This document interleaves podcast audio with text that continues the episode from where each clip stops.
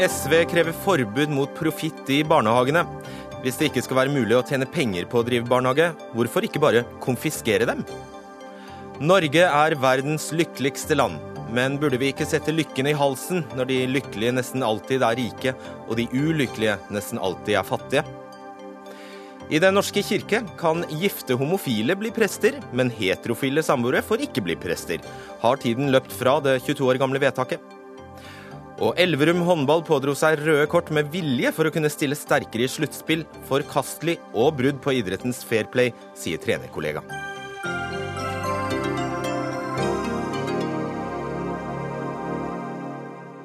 Da ønsker vi vel møtt til Dagsnytt 18. Mitt navn er Fredrik Solvang. I helgen ble det altså klart at eh, SV vil hindre eiere av barnehager muligheten til å ta ut profitt fra velferdstjenester som skattefinansieres av staten. SV har sett seg lei på at eierne av barnehagene tar ut store utbytter og får enorme gevinster når de selger barnehagene videre. Men da melder altså flere store spørsmål seg. Hvorfor skal private drive barnehage om de skal tape penger på det? Skal de pålegges en blåkopi av lønns- og pensjonsavtalene i kommunene? Skal kommunene konfiskere de private barnehagene, eller skal de kjøpe dem for en sum som da blir større enn forsvarsbudsjettet?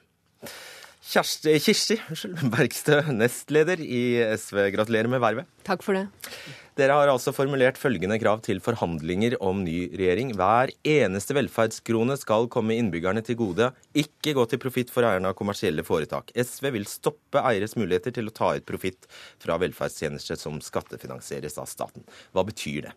Ja, Det betyr at det ikke bare barnehager, men at velferden eh, skal eh, være profittfri. Altså skal de kronene som settes av i, eh, fra fellesskapets midler, det skal brukes til velferd og ikke til privat profitt. Og Det innebærer jo at vi ønsker å sette en veldig tydelig grense for hva, hvordan man driver velferd, hvordan den skal kontrolleres, hva skal prinsippene være.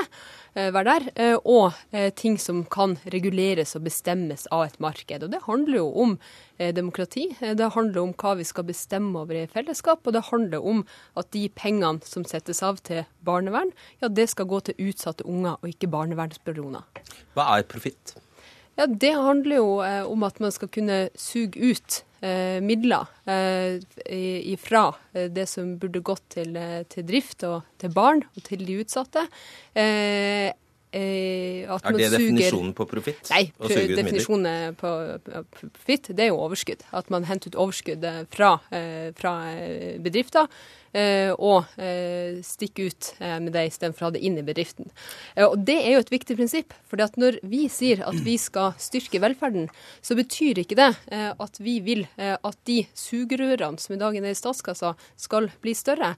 Vi ønsker at de skal tettes igjen. Og det er fordi det er forskjell på å drive butikk og å drive barnehage.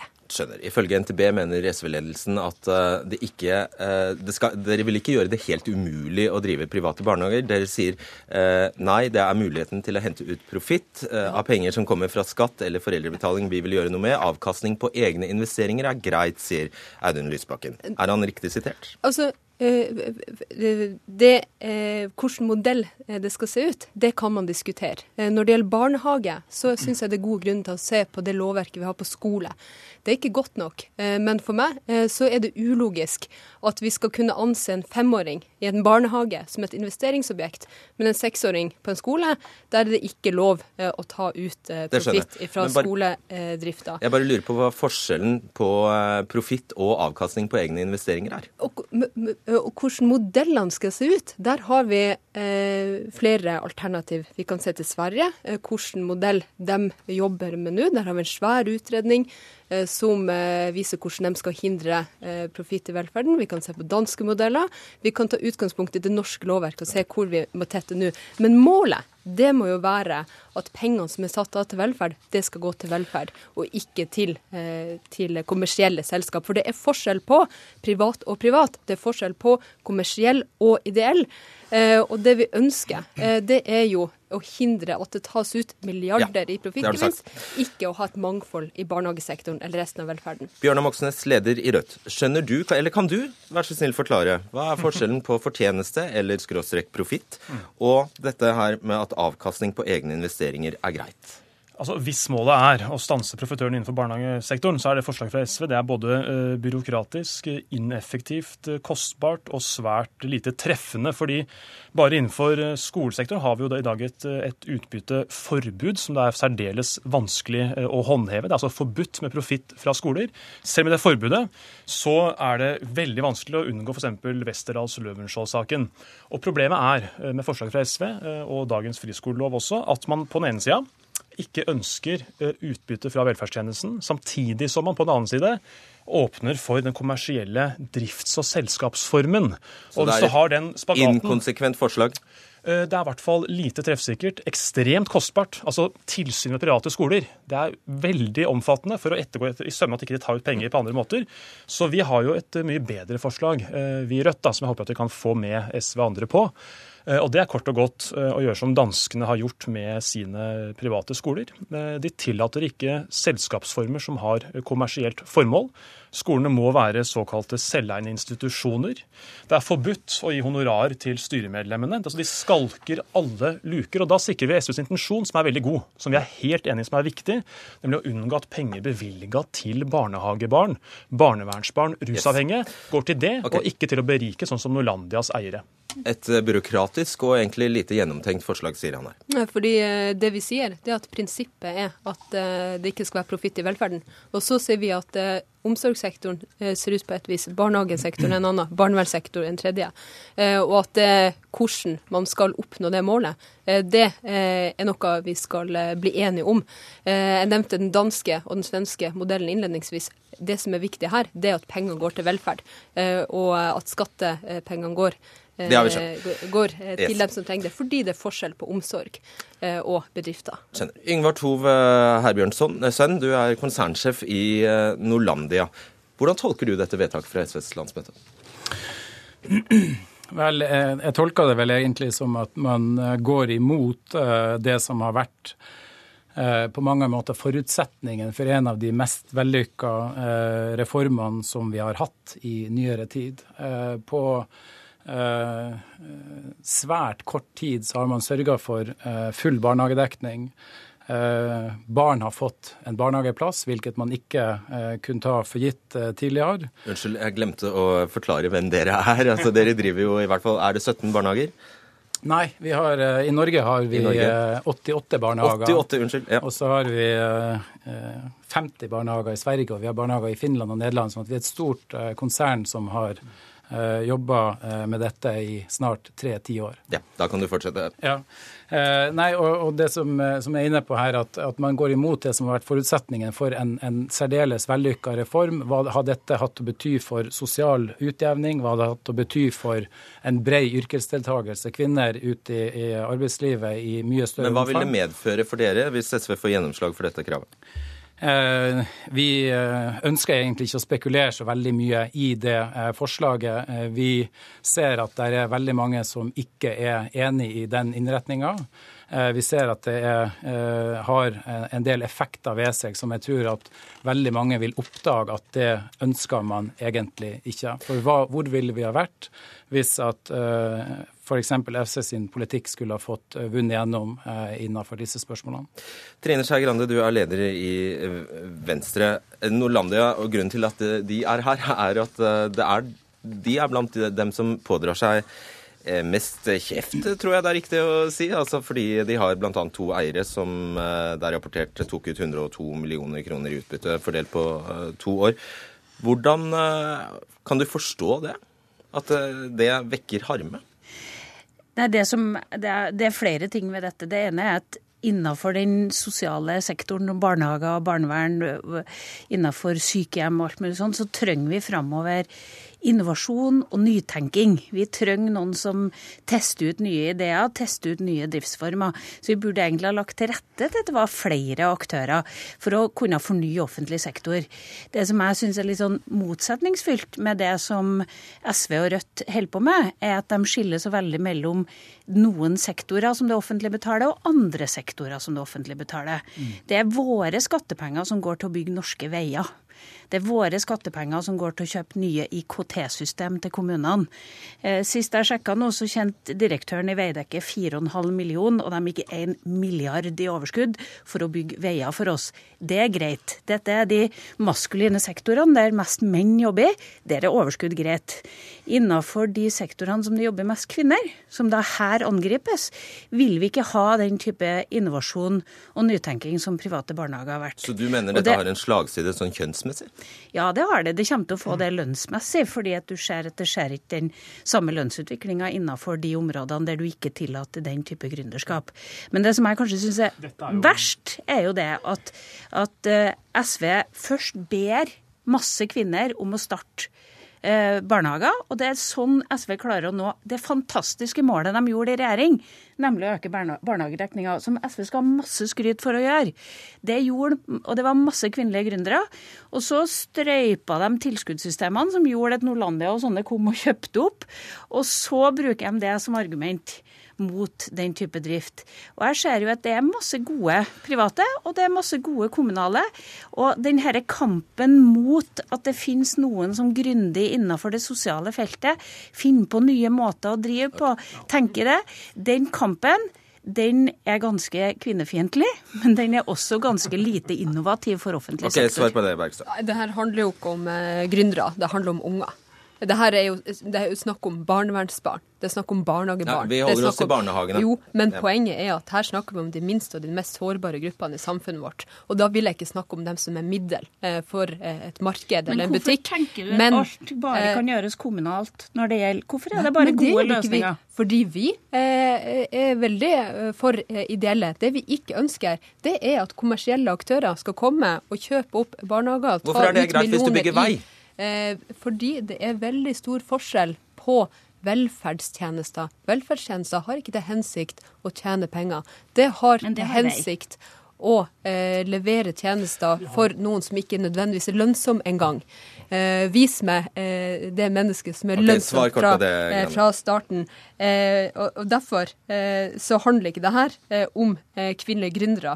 Det som er sannheten, er at velferdsprofitørene tar jo penger fra de kvinnelige eh, gründerne og henter ut eh, til egen lomme. Altså De ansatte, ikke minst. De ansatte betaler jo prisen for privatisering av tjenestene. Vi så det når Venstre var med og tvangsprivatiserte ti barnehager i Oslo, ble solgt til kommersielle aktører. Hva skjedde da?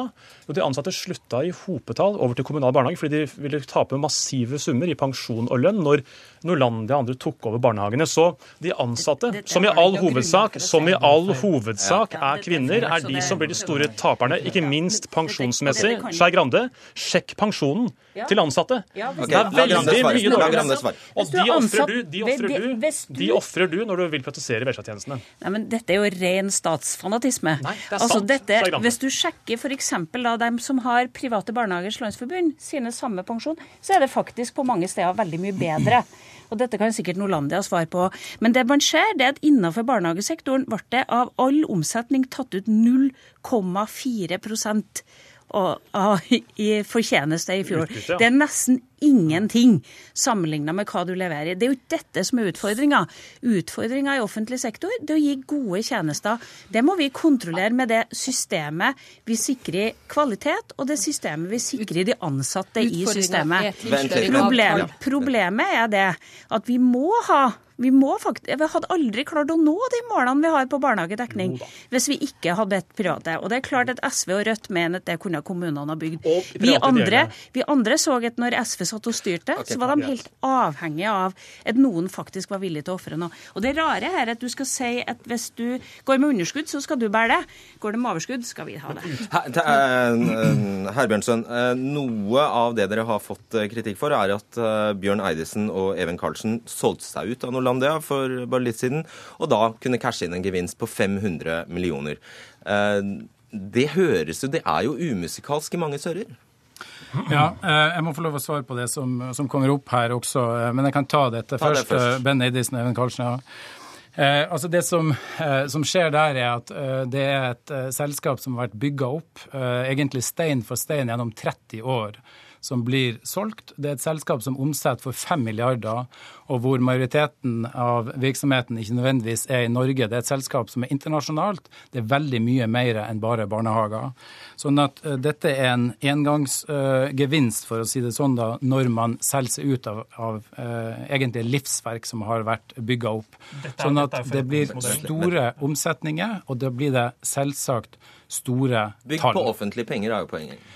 Ja, men det er jo, som Skei Grande er inne på, det er jo veldig mye som er bygd på offentlige penger. Hele barnehageforliket er jo tufta på at man skulle kunne bruke offentlige penger, men invitere inn private løsninger. Og det er jo noe av det som man burde gjøre i langt flere sektorer. Man har fått til en reform som har hatt helt enorme effekter, og de løsningene trenger man faktisk andre steder. Moxnes, eh, hva er løsningen her? Altså, med, din, eh, med, din, logikk så burde jo kommunene bare rett og slett enten konfiskere, som jeg sa til å begynne med, eh, her, eller rett og slett kjøpe opp disse barnehagene. For hvordan har du tenkt deg at de skal avhende frivillig sine eiendommer? Første skritt er å innføre Oslo-modellen på nasjonalt nivå. Det vil si at vi blir enige om etter valget, dagen etter valget at alle nye barnehager skal driftes av kommunen eller av ideelle private, sånn som Oslo har vedtatt og nå gjennomfører i landets største kommune. Neste skritt er å få et lovverk på plass som sier at eh, heretter, altså fra en viss dato, så er det ikke lenger adgang til å hente ut privat profitt fra penger bevilget til barnehagene våre. Hva skjer da? Jo, da har de kommersielle to valg. Eh, da har de, For det første har de i 15 år kunnet melke barnehagene for enorme summer. Eh, de kan da i tillegg få realisert, hvis de ønsker det, en salgsgevinst ved å selge barnehagene eh, tilbake til kommunene. Eller de kan velge å drive videre, men da på ideell basis. Og hvis formålet til de kommersielle er barnas beste, hvis det er primære hensynet, så vil kanskje også de kommersielle velge å drive non-profit, som mange private ideelle gjør i dag, med veldig gode resultater. Veldig fascinerende. Hva, la Herbjørnsen svare kort på hva hadde dere gjort da i en sånn situasjon? Nei, jeg, jeg, jeg, tror ikke jeg skal gå inn eh, på å, spekulere i det. Det som er viktig for oss, er at vi har drevet barnehager i mange tiår. Og vi gjør dette for at vi er flinke til det, og fordi at vi syns det er en flott virksomhet å, å drive. Og hvis man eh, mistenker at det ikke er mulig å både eh, ha øye for kvalitet og det å drive eh, med et økonomisk forsvarlig resultat, så undervurderer man de private betydelig. Men kan du ikke drive ideelt, da? Sånn som andre private ideelle gjør? Det er jo non-profit. Men et eksempel For en stund siden så var, var jeg i Stavanger og besøkte ei dame som har bygd opp en barnehage som har blitt kåra som Norges beste flere runder. Og så sier hun jeg brukte hele livet mitt på at denne barnehagen skulle bli bra. Jeg brukte alle pengene mine investerte i ny, investerte i utbygging. Kallen min har ført regnskapet helt gratis. Ungene mine har jobba dugnad i helga. Dette er, dette, dette er mitt livsverk. Og dette er min pensjon. Den dagen jeg slutter, så skal jeg selge denne barnehagen til noen andre som vil drive den videre. Det er pensjonen min og nå kommer noen og skal ta pensjonen min. Noen kommer og skal ta livsverket mitt. Det er mange som har investert masse tid og energi på å lage de beste løsninger for unger, med en veldig ideell drivkraft. Men det er klart at den drivkraften kan du stoppe ganske enkelt med den type regelverk som er. Jeg mener jo at offentlig sektor trenger faktisk flere sånne drivere. Flere som drives av idealene sine, og klarer også å gi gode tilbud. Og hvis vi, til, hvis vi gir plass for det i offentlig sektor, så mister vi veldig mye av den krafta for omstilling som vi vet at Norge trenger. Og Bergstø, hvis dere gjennomfører dette, altså hvis det bare skal være mulig å drive kommunal eller ideell eh, barnehage her i landet, så bryter dere et løfte fra Kristin Halvorsen fra 2011, da hun sa det, vil ikke, det ville ikke være uh, rimelig å ikke tillate utbytte.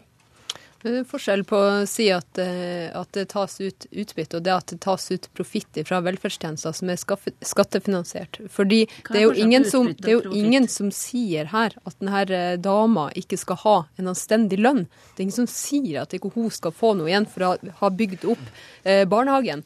Det vi sier, det er at det som er representativt, det er at kommersielle aktører, sånn som er representert her, kjøper opp eh f.eks. barnehager som husmorlagene og andre har starta opp, eh, og eh, driver eh, for å få profitt som okay. motiv. Og har man profitt som motiv, ja, så er ikke barnehagesektoren der man skal satse. Det er tydelig signal å sende. Og hvis man er frykter for fremtida da, så bør man legge om modellen okay, og jobbe ut fra at pengene skal følge ungene. Er ved veis ende. Beklager. Det blir sikkert flere runder. Takk skal dere ha. Kirsti Bergstø, Trine Skei Grande, Bjørnar Moxnes og Yngvar Tove Herbjørnsen. Dagsnytt 18 alle hverdager klokka 18.00 på NRK P2 og NRK2.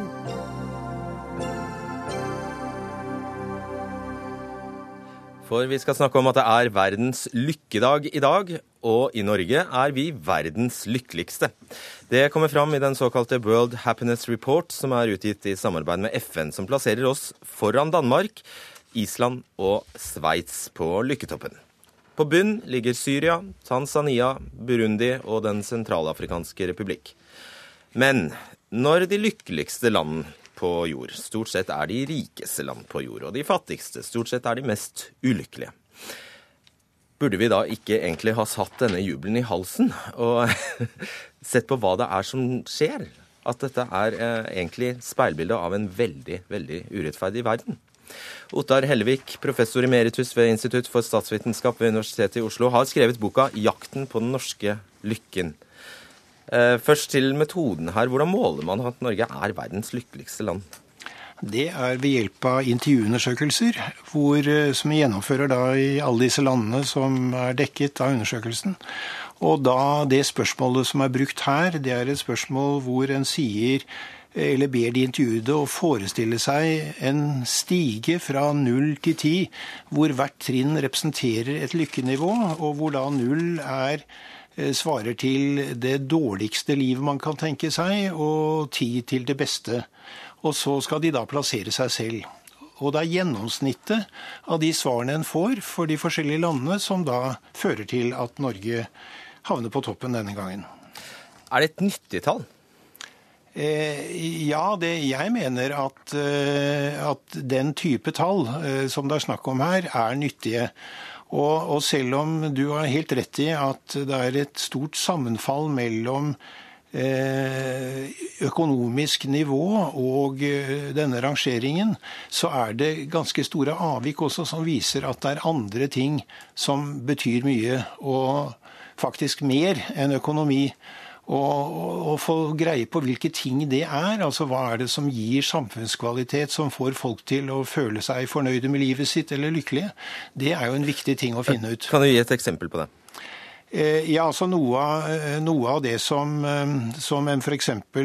både i denne undersøkelsen og i andre undersøkelser finner ut betyr veldig mye, det er en slik ting som hva slags støtte, hva slags sosiale relasjoner en har. Eh, hva, eh, hvordan man eh, opplever at man står fritt til å treffe viktige valg i livet. Noe av det som jeg ville legge vekt på, og som forklarer den høye rangeringen for de nordiske landene, det er jo velferdsstatsutbygging. Mm. Altså det er, det er, der hvor man virkelig har sosiale sikkerhetsnett og en omfattende velferdsstat, at man scorer høyt. Mens uh, andre rike land hvor det er mindre av det, f.eks. USA, som kommer på 19.-plass, var det vel, i denne rangeringen. Uh, der, der, kan man peke på bl.a. en slik faktor som at uh, man der mangler disse sosiale sikkerhetsnettene, og hvor da eh, mange rett og slett føler seg usikre på framtida si. Ja, 14.-plass, bare å pirke. Ja. Eh, men det går altså veldig nedover med USA på denne rangeringen. Mm. Mathilde Fasting, du er eh, siviløkonom og idehistoriker i Tankesmien Civita. Er du enig i at dette er en nyttig rangering? I prinsippet ikke. Eh, lykke er veldig vanskelig å måle generelt. Det er som man sier, en subjektiv eh, svar man får. Eh, man måler kanskje ikke lykke som sådan. Først må man definere hva lykke er. Og måler kanskje om folk har det bra eller dårlig, egentlig. Og lykke i et liberalt perspektiv, hvis man skulle si det sånn, ville være veldig forskjellig. Du er kanskje lykkelig av noe helt annet enn det jeg er, og en person som tjener mye penger, kan være veldig lykkelig for det. Og en annen kan si at familien er det viktigste, f.eks. Så hvis man skal ha det sånn at man skal gjøre noe politisk ut av dette her, så er det litt betenkelig. fordi da definerer man jo på en måte hva denne indeksen består av, og hva de svarer. Og kanskje 80% er enig i det, og kanskje 20% i befolkningen ikke er enig, og da, hva gjør man da med det, da? Likevel så kan man jo bare lese, lese, ut fra rapporten og se på, bare se på tallene at det er en sterk korrelasjon mellom altså de rike, For å si det enkelt, de rike landene her er lykkeligst, de fattige er ulykkelige. Ja, og Der er det en annen ting som også er viktig, og det er kanskje litt, eh, litt ikke høna og egget, men når man kommer inn på velferdsstat her, som sikkert eh, slår ut altså Nordiske land er jo ikke overraskende høyt, veldig høyt oppe her, og det er fryktelig tett i toppen også. Det er ikke veldig stor forskjell, selv om vi scorer som helt på topp i år, da. Men eh, bak denne velferdsstaten så har vi jo veldig mange andre ting som kanskje spiller en rolle, og det er jo en trygg og god rettsstat, det er eh, demokrati, eh, det er eh, økonomisk frihet, for ikke å si det. Det er veldig viktig. Og velfungerende markedsøkonomier. Og generelt også frihet er, er, veldig viktig. Han sa også det at det at man føler at man kan ta valg, kan jo påvirke veldig mye lykkefølelsen, egentlig. Så jeg tror det er hele den pakken, som da igjen er en forutsetning for velferdsstaten, som gjør at de nordiske landene hele tiden scorer høyt. Og de scorer kjempehøyt på veldig mange andre sånne rankinger også. Nettopp. Per Espen Stoknes, du er psykolog ved BI og andrekandidat eh, for De Grønne i Oslo. Eh, vi kommer altså ut på verdenstoppen her, men dere vil gå lenger eh, og innføre faktisk et nasjonalt mål for brutto, såkalt brutto nasjonal livskvalitet. Sier ikke egentlig denne rapporten her at vi gjør det mer enn bra, bra nok? Trenger ikke det? Ja, vi må gratulere hverandre med å si at uh, dette er fantastisk på den internasjonale Happiness Day, ikke sant? Jo, jo. det må vi jo. ja, da, vi så, så, der må vi absolutt uh, begynne.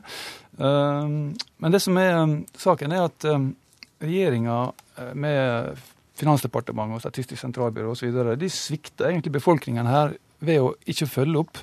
Og de faglige rådene som kommer fra OECD, fra Eurostat og fra Helsedirektoratet, fordi at vi har gode tall på en del levekårsting, altså de økonomiske tingene, men vi har ikke noen helhetlig eller samla forståelse av hva som betyr noe for folk flest. Altså livsgleden og livskvaliteten, den subjektive livskvaliteten spesielt. da.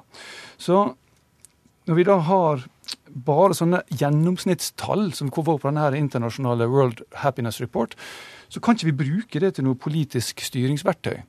Og da vet ikke vi For at et sånn gjennomsnitt sier ikke noe om sannheten at det er veldig mange mennesker i Norge som er ulykkelige. Og det er store forskjeller i Norge på livsgleden og livslykken eh, og livskvaliteten til folk. Det står det også at uh, forskjellene innad i land kan være vel så store mellom land som mellom Nettopp. land. Så dette gjennomsnittet skjuler store forskjeller mellom eldre, mellom yngre, kanskje mellom ulike deler av landet. og det, Derfor har vi da sammen med Kristelig Folkeparti Miljøpartiet Grønne fremma et forslag om et sånn samla regnskap for livskvalitet. For det kan vi bruke da til å utforme politikken på en sånn måte at de som trenger det mest, får best oppfølging. Og vi kan videreutvikle velferdsstaten på en mye bedre og mer effektiv måte enn vi gjør i dag.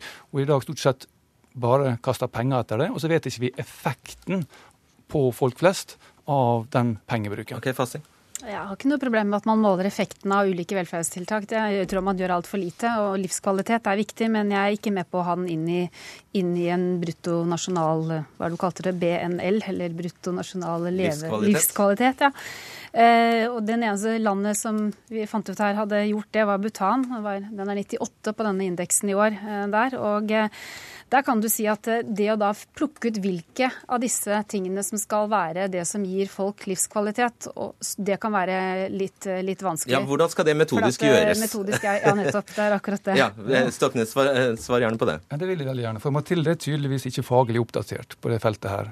Eh, psykologer har i løpet av de siste 30 årene dokumentert veldig godt hvordan livskvalitet måles, eh, og hvordan, hvilke virkninger det har.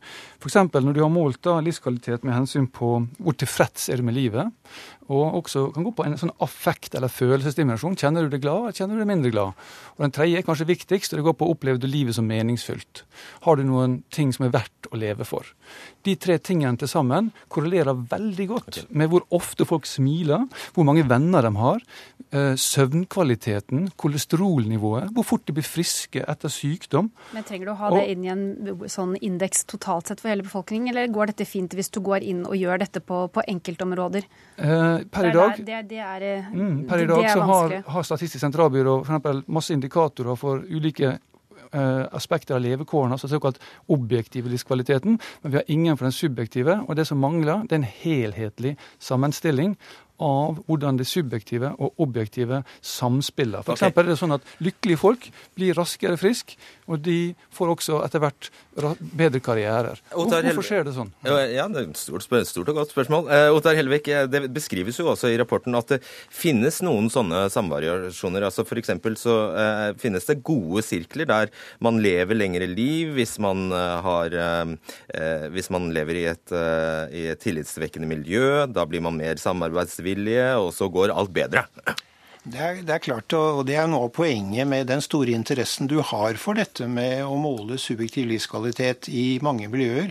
Det er at, at det er øh, klare sammenhenger mellom livssituasjon, levekår og hvordan man opplever livet. For det er klart at det at man f.eks. føler at man lever et tilfredsstillende liv, eller at man stort sett føler seg lykkelig, det er, det er kan vi si, nærmest de grunnleggende eh, ting i tilværelsen. Og når du da kan påvise gjennom disse intervjuundersøkelsene eh, hva det er som øker sjansene for det Noe av det f.eks. jeg har sett på som jeg syns var veldig interessant, det er folks verdiorientering. Altså hva man er opptatt av å oppnå i livet.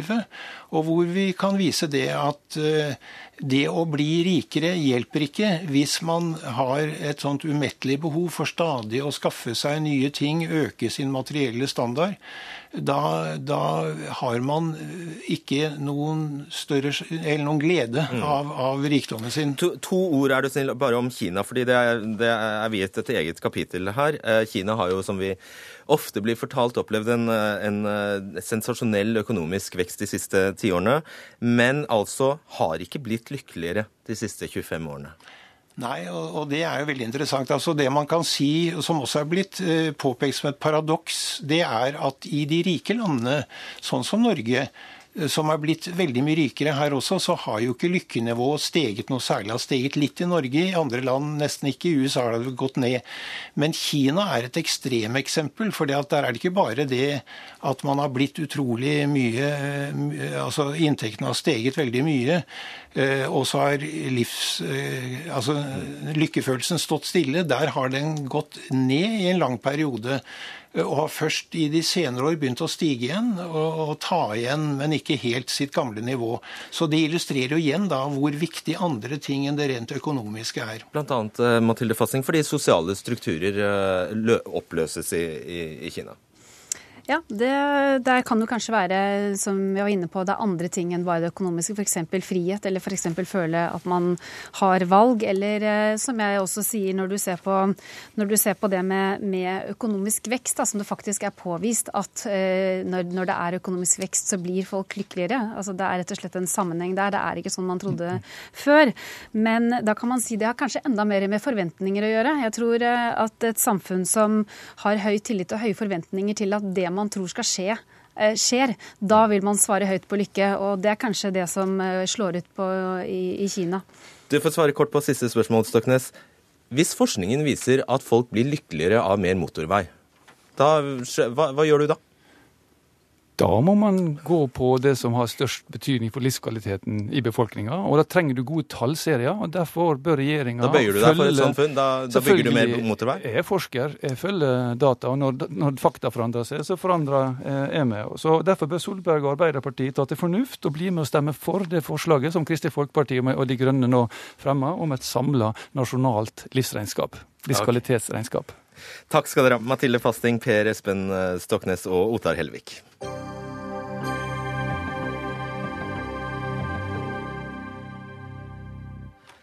USAs president Donald Trump har tidligere anklaget Barack Obama for å ha avlyttet Trump i tiden før han vant valget, og i dag ble FBI-direktør James Comey grillet om temaet i en åpen høring i Etterretningskomiteen, der han fortalte at det ikke finnes et fnugg av bevis for at det er sant.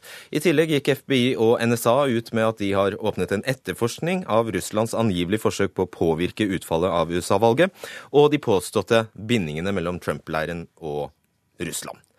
Gro Holm, NRK-korrespondent i Washington. Hva var det FBI-direktør Comey sa under denne høringen? Ja, Det var jo veldig viktig at det ikke fantes, finnes fnugg av bevis. Og han sa at uh, Justisdepartementet hadde også gitt han fullmakt til å si at heller ikke de har fnugg av bevis uh, for at det har pågått uh, overvåking av Trump Tower under valgkampen. og det er ganske skjellsettende og uvanlig dette at FBI-direktøren går ut og bekrefter at det pågår en etterforskning av Eh, enkeltpersoner eh, fra Trumps eh, valgkampstab og forbindelsene til, til, Russland. Det pleier man vanligvis ikke å gjøre, men James Comey sa at i denne sammenhengen så har dette så stor offentlig interesse at han valgte å gå ut og bekrefte det. Han viste jo også da til en tidligere rapport fra en samlet etterretningstjeneste som kom ut i januar, 6. januar, som sier at Putin, Russlands president, hadde eh, helt klart interesse av å hindre at Hillary Clinton ble valgt som president, og ønsket Han jobbet aktivt for at eh, Donald Trump eh, skulle bli, eh, bli valgt. Begge deler. Men det er, mm, forstår jeg, ikke, ikke påvist at eh, Russland har direkte hjulpet Trump til eh, seier, eller? Det er påvist at de har forsøkt å blande seg inn i valget. Det, har, det er i hvert fall konklusjonen fra, eh, fra amerikansk etterretning. Eh, selv om vi her ikke kjenner nøyaktig til kildene og hvordan de har kommet fram til den konklusjonen. Vi vet at eh, det er navngitt eh, personer og, og, eh, og, og, institusjoner som har deltatt i hackingen, både i FBI USA har jo siktet fire personer. To fra FBI og to hackere. Så det, så det, vet vi fra før at her, her mener man at man vet konkret hvem som har deltatt i det på operativt nivå, kan du si. Eh, og de mener altså også at de vet eh, noe om Putins motiv for dette her.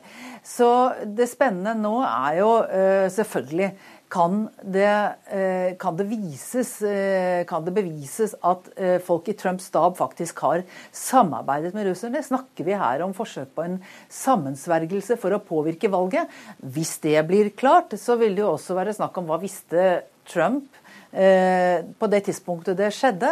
Eh, hvis det viser seg at han kjente til det og hadde gitt grønt lys, så er jo det svært, svært alvorlig. Da snakker man om sammensvergelse eh, i, i, sammen med en utenlandsk stat, og det er et grovt lovbrudd. Har Trump reagert? Ja, de har avvist at, de har avvist at det finnes noe som helst slags samarbeid mellom Trump og og Russland. Eh, det kom en, eh, en uttalelse i formiddag. Og Trump tvitret jo også i dag tidlig om at dette er eh, nok et forsøk fra Clinton-leiren på å forklare hvorfor hun gjorde en så elendig valg, eller så dårlig valgkamp. Det er jo helt påfallende, dette her, Grohan. Vi husker jo at Bill Clinton både ble stilt for, men frikjent i riksrett.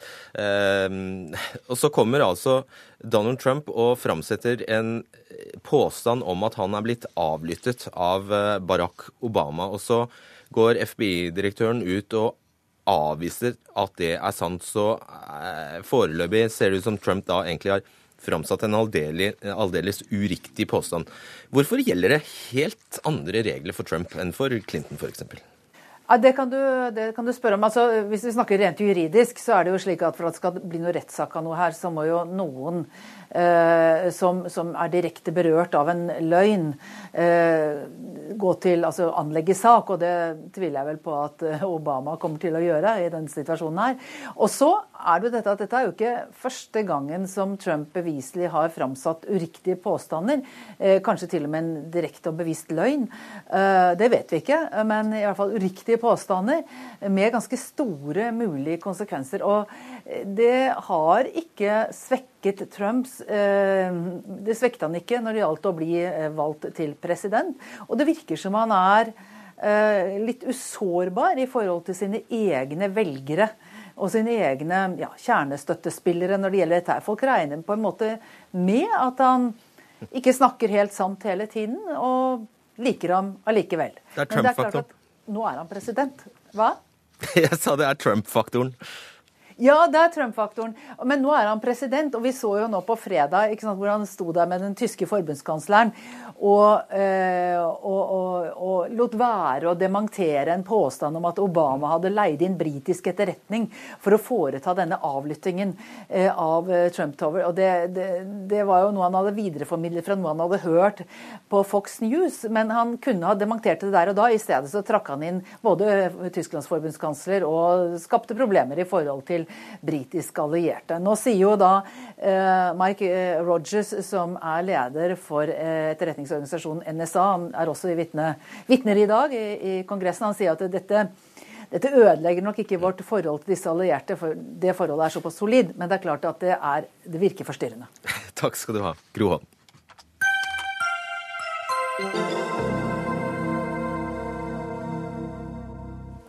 Biskopene sier nei til å ordinere prester i samboerskap, og holder dermed fast på en 22 år gammel uttalelse. Jeg føler jeg lever i et skamboerskap, sier en samboende teologistudent, og hun får støtte fra etikkprofessor som sier dette er et veldig galt signal om hvordan vi ønsker at kirken skal være. Og den eh, teologistudenten er deg, Kristine eh, Josefine Andreassen. Eh, du går tredjeåret på teologistudiet og er samboer, er med oss fra Bodø, hvor du, hvor du er i praksis i en menighet. Hva er det du først og fremst reagerer på? Først og fremst reagerer jeg på at jeg opplever at jeg får et nei fra kirka til den kjærligheten jeg har med min partner. Eh, for jeg mener at det viktigste for kirken bør være at forholdet er basert på kjærlighet og gjensidighet, ikke om de har et papir på plass. Kan du ikke bare gifte deg? Eh, jeg mener at man skal være klar for å gifte seg. Og så mener jeg også det at man ikke skal presses inn i ekteskap. Og det føler jeg litt nå, at eh, jeg blir presset inn i et ekteskap fordi jeg ikke får lov til å være samboer, da. Solveig Fiske, du er biskop i Hamar bispedømme. Hvorfor skal ikke Kristine Josefine Andreassen, som vi hørte her, kunne være samboer når hun blir ordinert til prest? Da vil jeg først si at jeg vi sier ikke at samboerskapet er synd eller etisk mindreverdig. Eh, og det er også grunn til å løfte fram at på samme måte som det finnes gode og dårlige ekteskap, så finnes det gode og dårlige samboerskap. Mm. Hva er da begrunnelsen? Når eh, det gjelder eh, dette med eh, ordinasjon, så vil jeg si at vi ser på ekteskapet som den beste samlivsformen, og ønsker å fremheve ekteskapet som en god ordning. Og har eh, en forventning om at de som har vigsla stillinger i kirka, skal ordne sitt samliv i henhold til det. Nå er det slik at eh, bispemøtet står ganske samla rundt vår posisjon inn mot at vi per nå ikke vil ordinere samboere. Eh, det snakka om den 22 år gamle uttalelsen, og vi avgrenser vår samtale inn mot at det handler da om vigsling til kirkelig tjeneste. Ja, det skal jeg lese fra vedtaket i 1995. Bispemøtet vil uttrykke den klare forventning til alle kirkens ansatte og ledere at de for egen del velger ekteskapet som ramme for sitt eget samliv. Ja, men nå sa jeg at vi i bispemøtet nå vi hadde det jo akkurat opp som en samtale. Det ikke var gjort noe vedtak om en ny praksis. Nei, Da gjelder det gamle. Så sa vi at inn mot dette med ordinasjon, så sier vi at 1995-uttalelsen eh, skal være retningsgivende. Vi avgrenser oss altså i vår samtale rundt inn mot det som handler om vigsling til kirkelige tjenester. Så dere nytolker det dere egentlig har vedtatt? Eh, hva sa du nå? Dere nytolker det dere egentlig vedtok i 1995, det er det du sier? Eh, ja, i 1995, eh, den 1995-uttalelsen var for så vidt ikke jeg med på, men det er en bispemøteuttalelse fra da. Men det som jeg da sier, er at vi brukte den nå som grunnlag inn mot en samtale inn mot det med vigsling til kirkelig tjeneste. Okay. Og så er det viktig for meg å si og gjenta at vi sier ikke at samboerskap er synd eller etisk mindreverdig. Nei, bare at man framholder eh, ekteskapet ja. som ja. Svein Åge Christoffersen, du er professor ved Det teologiske fakultet ved Universitetet i eh, Oslo. Hva er det du hører her? Nei, Jeg hører en som har store problemer med en uttalelse som ble laget i 1995. fordi der står det altså ikke et ord om ordinerte stillinger eller prester i det hele tatt. Du sikter til Fiske? Ja, snakker til Fiske. Må nå si det. At eh, det står altså ikke et ord om eh, problemer med ordinasjon eller ordinerte stillinger. Det står medarbeidere i kirken alle ansatte, og det står også at det er tydelig at de prøver å inkludere alle frivillige i dette. Men Så hvis, fiske, ja, men nå, hvis Fiske nå vil avgrense dette og si at nå gjelder det bare ordinerte stillinger, så er det altså ikke et eneste premiss i den uttalelsen som gjelder for en slik avgrensning. Og da har faktisk ikke bispemøtet tenkt igjennom dette i det hele tatt før de går ut med dette. Og det syns jeg er et stort problem. Sånn som uttalelsen står, eh, Fiske, så gjelder det gartneren. Ja, det som, er, eh, det som jeg prøvde å formidle i stad, at vi står ganske samla rundt vår posisjon. Jo, jeg, jeg, skjønner at dere så samlet rundt posisjonen, ja. men den posisjonen Solveig, er ikke dekket inn i uttalelsen fra 1995. Ja, det er jo det som er problemet med det. Jeg sa at retningsgivende inn mot at vi per nå ikke vil ordinere samboende. Og vi hadde også en samtale, det er ikke gjort noe vedtak om en ny praksis. Okay. Og, så, og, så, hører jeg fra studenten Kristine Josefine Andreassen at det som skjer nå, er at vi får først og fremst en kravsdiskusjon i stedet for den gode samtalen, framsnakkinga av ekteskapet. Og jeg vil bare understreke at et studentinnlegg som dette tas på alvor, og jeg ser at dette er en samtale som vi må fortsette. Ok, eh, Kristine eh, Josefine Andreassen, eh, ja, hva sier du til dette? Jeg syns det er flott at dette blir en samtale og en dialog. Det liker jeg absolutt. Men jeg ser fortsatt på det som problematisk når det siterer Vårt Land fra helgen at biskopene avviser ikke at samboerskap har kvaliteter og verdier som også er å finne i ekteskapet, og motsatt. Og da syns jeg det er problematisk at samboerskapet løftes fram som noe fint i vårt land, og så allikevel så avvist da for ordinasjon. Hvilke signaler ikke, kjenner det til folkekirka i dag? Er det ikke like rart at du skal kunne sitte, at du skal sitte som prest og anbefale og snakke varmt om et ekteskap du selv ikke vil inngå? Jeg vil absolutt inngå et ekteskap, men jeg vil ikke bli presset til å inngå et ekteskap. Og i tillegg til det så har jeg lyst til at jeg vil være sikker på at jeg tar det riktige valget med å gifte meg med min partner. Eh, og jeg syns ikke man skal um, gjøre det for fort. Jeg syns man skal ta den tiden man trenger. Og da tror jeg at samboerskap kan være en god vei inn i det.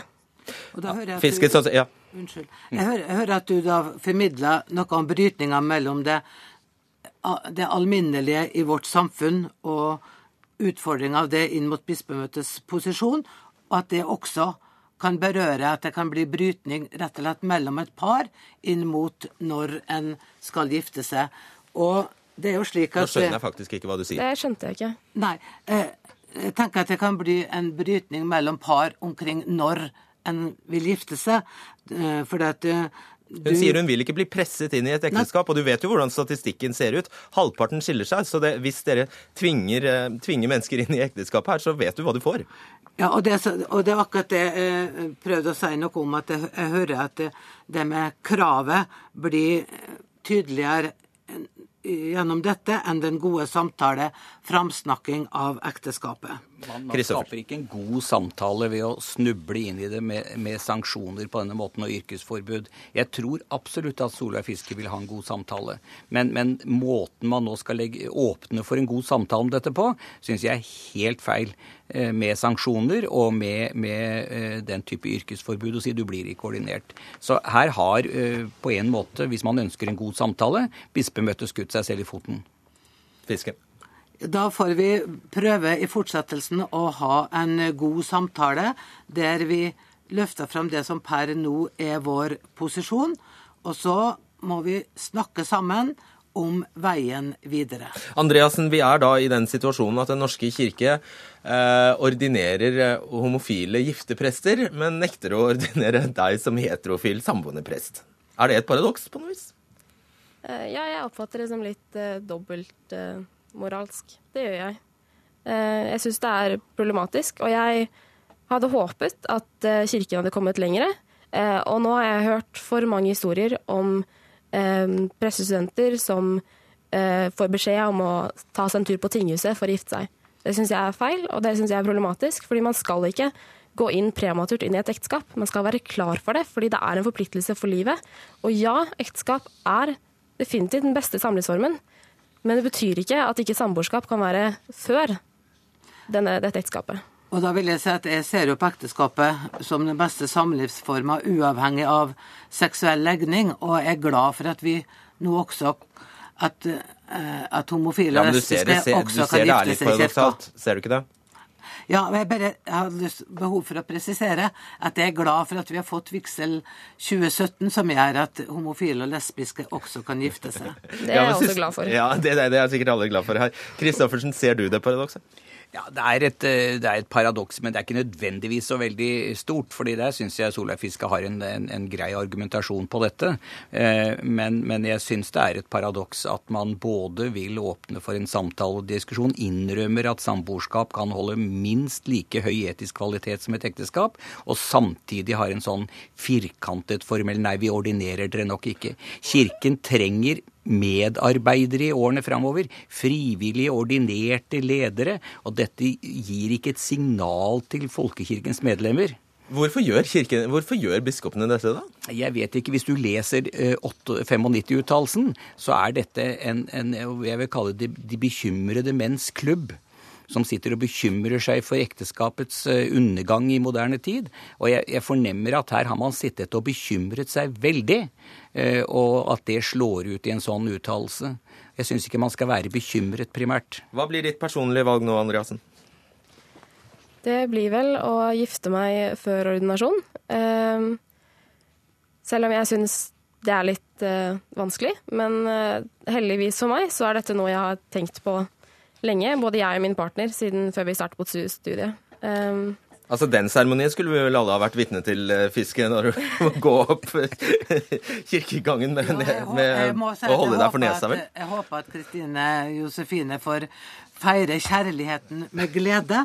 Og så må jeg understreke at vi hadde altså en samtale der det ikke er gjort noe vedtak om en ny praksis. At vi ønsker å fremheve ekteskapet som en god ordning, og forventer at personer som har vigsla stillinger i kirka, skal ordne sitt samliv i henhold til det. Og så får vi fortsette samtalen ut ifra de innspillene som vi både har fått og kommer til å få i de nærmeste dagene. Og det stoler jeg på skjer utenfor dette studio. Tusen takk, eh, Kristine Josefine Andreassen, Svein Åge Christoffersen og Solveig Fiske. Hør Dagsnytt 18 når du vil. Radio NRK NO.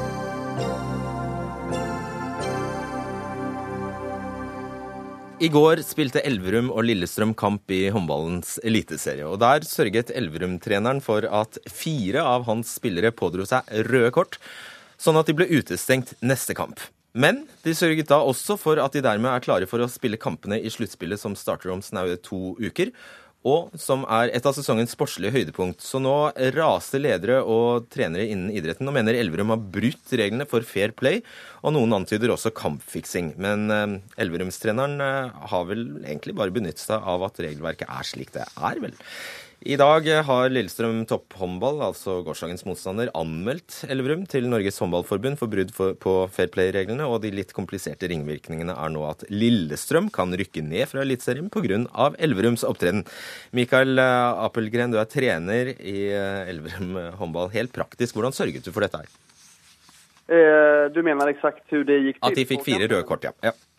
Eh, nej, utan eh, vi, vi hamnade i en situation i, i kampen där, det, eh, där vi, vi eh, hade möjligheten till det och att det var gynnsamt för oss. Och då menar jag att mitt jobb som tränare är att maximera våra maximera våra möjligheter i de kamper som, som teller som mest. Och, och angående att Lilleström har större chans eller större risk att rycka ner på grund av det här menar jag inte är sant. Och dessutom fick de en ganska god möjlighet och vi ställde över många nyckelspelare i den här matchen och i tillägg var utvisade i 22 minuter eh, i kampen. Så att eh, angående just Lilleström, eh, det, det, det köper jag inte riktigt. Så du står for det du har gjort? Allt det, allt det här vi gjorde eh, står jag för. Eh, vi ville göra det på en ryddig måte, att vi inte eh, på något sätt skadade någon eller gjorde det fult. Därför har vi Eh, valgte valde og och vi å være rake og ærlige og, og, stå for det vi gjør. Eh, stedet for at alternativet da hadde kanskje vært att eh, slå noen hardt i ansiktet og få et rødt kort på et mye styggere sett, og så stå, stå efteråt i media kanskje og si nei, oi, det var en ulykke. Okay. Eh, nu, valgte valde vi stedet å stå for det og eh, være rake og ærlige, og det hoppas vi at eh, vi ikke skal eh, förlora på för att annars så visar det sig då att det kanske lönar sig att ljuga istället. Tom Eirik Skarpsund, trener for Haslum, som da har vært Elverums eh, erkerival de siste årene. Du mener dette er forkastelig? Ja, jeg tenker mer på idrettens verdier og litt hva vi kjemper om. og for meg så er det veldig spesielt å gå inn i en kamp der du ønsker at spillerne dine skal få rødt kort, for det er faktisk den strengeste straffen du kan få i, innenfor håndball. Så, så, for meg er det veldig spesielt. Så du ville aldri ha gjort det? Uh, nei, jeg tror faktisk ikke det. Jeg er imponert over at jeg har kommet på den tanken, så i Haslum hadde ikke det vært aktuelt. Hva er det han har gjort, egentlig? Det er jo å fortelle spillerne at de skal bryte det reglementet vi har, og få det røde kortet og sørge for at man faktisk blir utestengt og ikke kan spille neste kamp. Noe som kanskje strider litt mot det som er fair play og det vi, det vi står for. Han avviser jo da Apelgren at Lillestrøm har noe å tape på det, men hvem tjener på det? Det er jo først og fremst Elverum sjøl, så sånn taktisk sett så kan du si at uh, Michael har gjort en, en god jobb. Men, men, spørsmålet er om etikk og moral står helt i stil til det taktiske. Så mitt svar på det er kanskje nei. Hva svarer du til det, Appelgren? Eh, nei, det er klart at vi, vi visste om når vi gjorde det her at det her er definitivt i noen form av gråzon. Men det kommer også ut av et eh, reglement som er helt förkastligt. Eh, og, og, som gjør at jeg står der og er i en veldig vanskelig situasjon. For hvis jeg ikke gjør det her, så er jeg eh, korket eh, taktisk. Eh, så Derfor kjennes det liksom som at jeg står der og velger mellom eh, antingen å være korket på det settet eller omoralisk og dum på det settet. Så jeg, jeg, står liksom i en sits på at av er är så felaktiga. Jeg mener at alle røde kort skal ska inn til slutspelet nu når vi har gjort om så at slutspelet eh, gäller så mye og det endast er best av tre, så kan det være utrolig viktig når det er så jevnt mellom de beste lagene i Norge. Ja, for da er greia her i Skarps nå at uh, man tar med seg disse røde kortene inn i uh, sluttspillet. Hadde det ikke vært bedre, som han sier, at man, bare ble, at man startet med helt blanke ark? Jo, det kan godt hende. og Vi hadde jo faktisk en diskusjon før den sesongen her om vi skulle endre reglene. og Forbundet og Serieforeninga vil gjerne se på det, så han har jo et poeng i det. Men er du enig i at han ikke hadde noe valg? Nei, det er jeg nok ikke helt enig i. For jeg mener at det er mulig å manøvrere gjennom et sluttspill. Elverum har så bra lag og så mange spillere at de ville tålt et rødt kort. Og de reglene er jo faktisk til for å beskytte våre egne spillere, og da syns jeg vi bør overholde dem på best mulig måte. Så jeg mener at det hadde vært fint mulig å få Elverum å vinne, selv med et rødt kort. En gråsone, sier du, innrømmer du, Appelgren. Hvilke etiske runder gikk du med deg selv?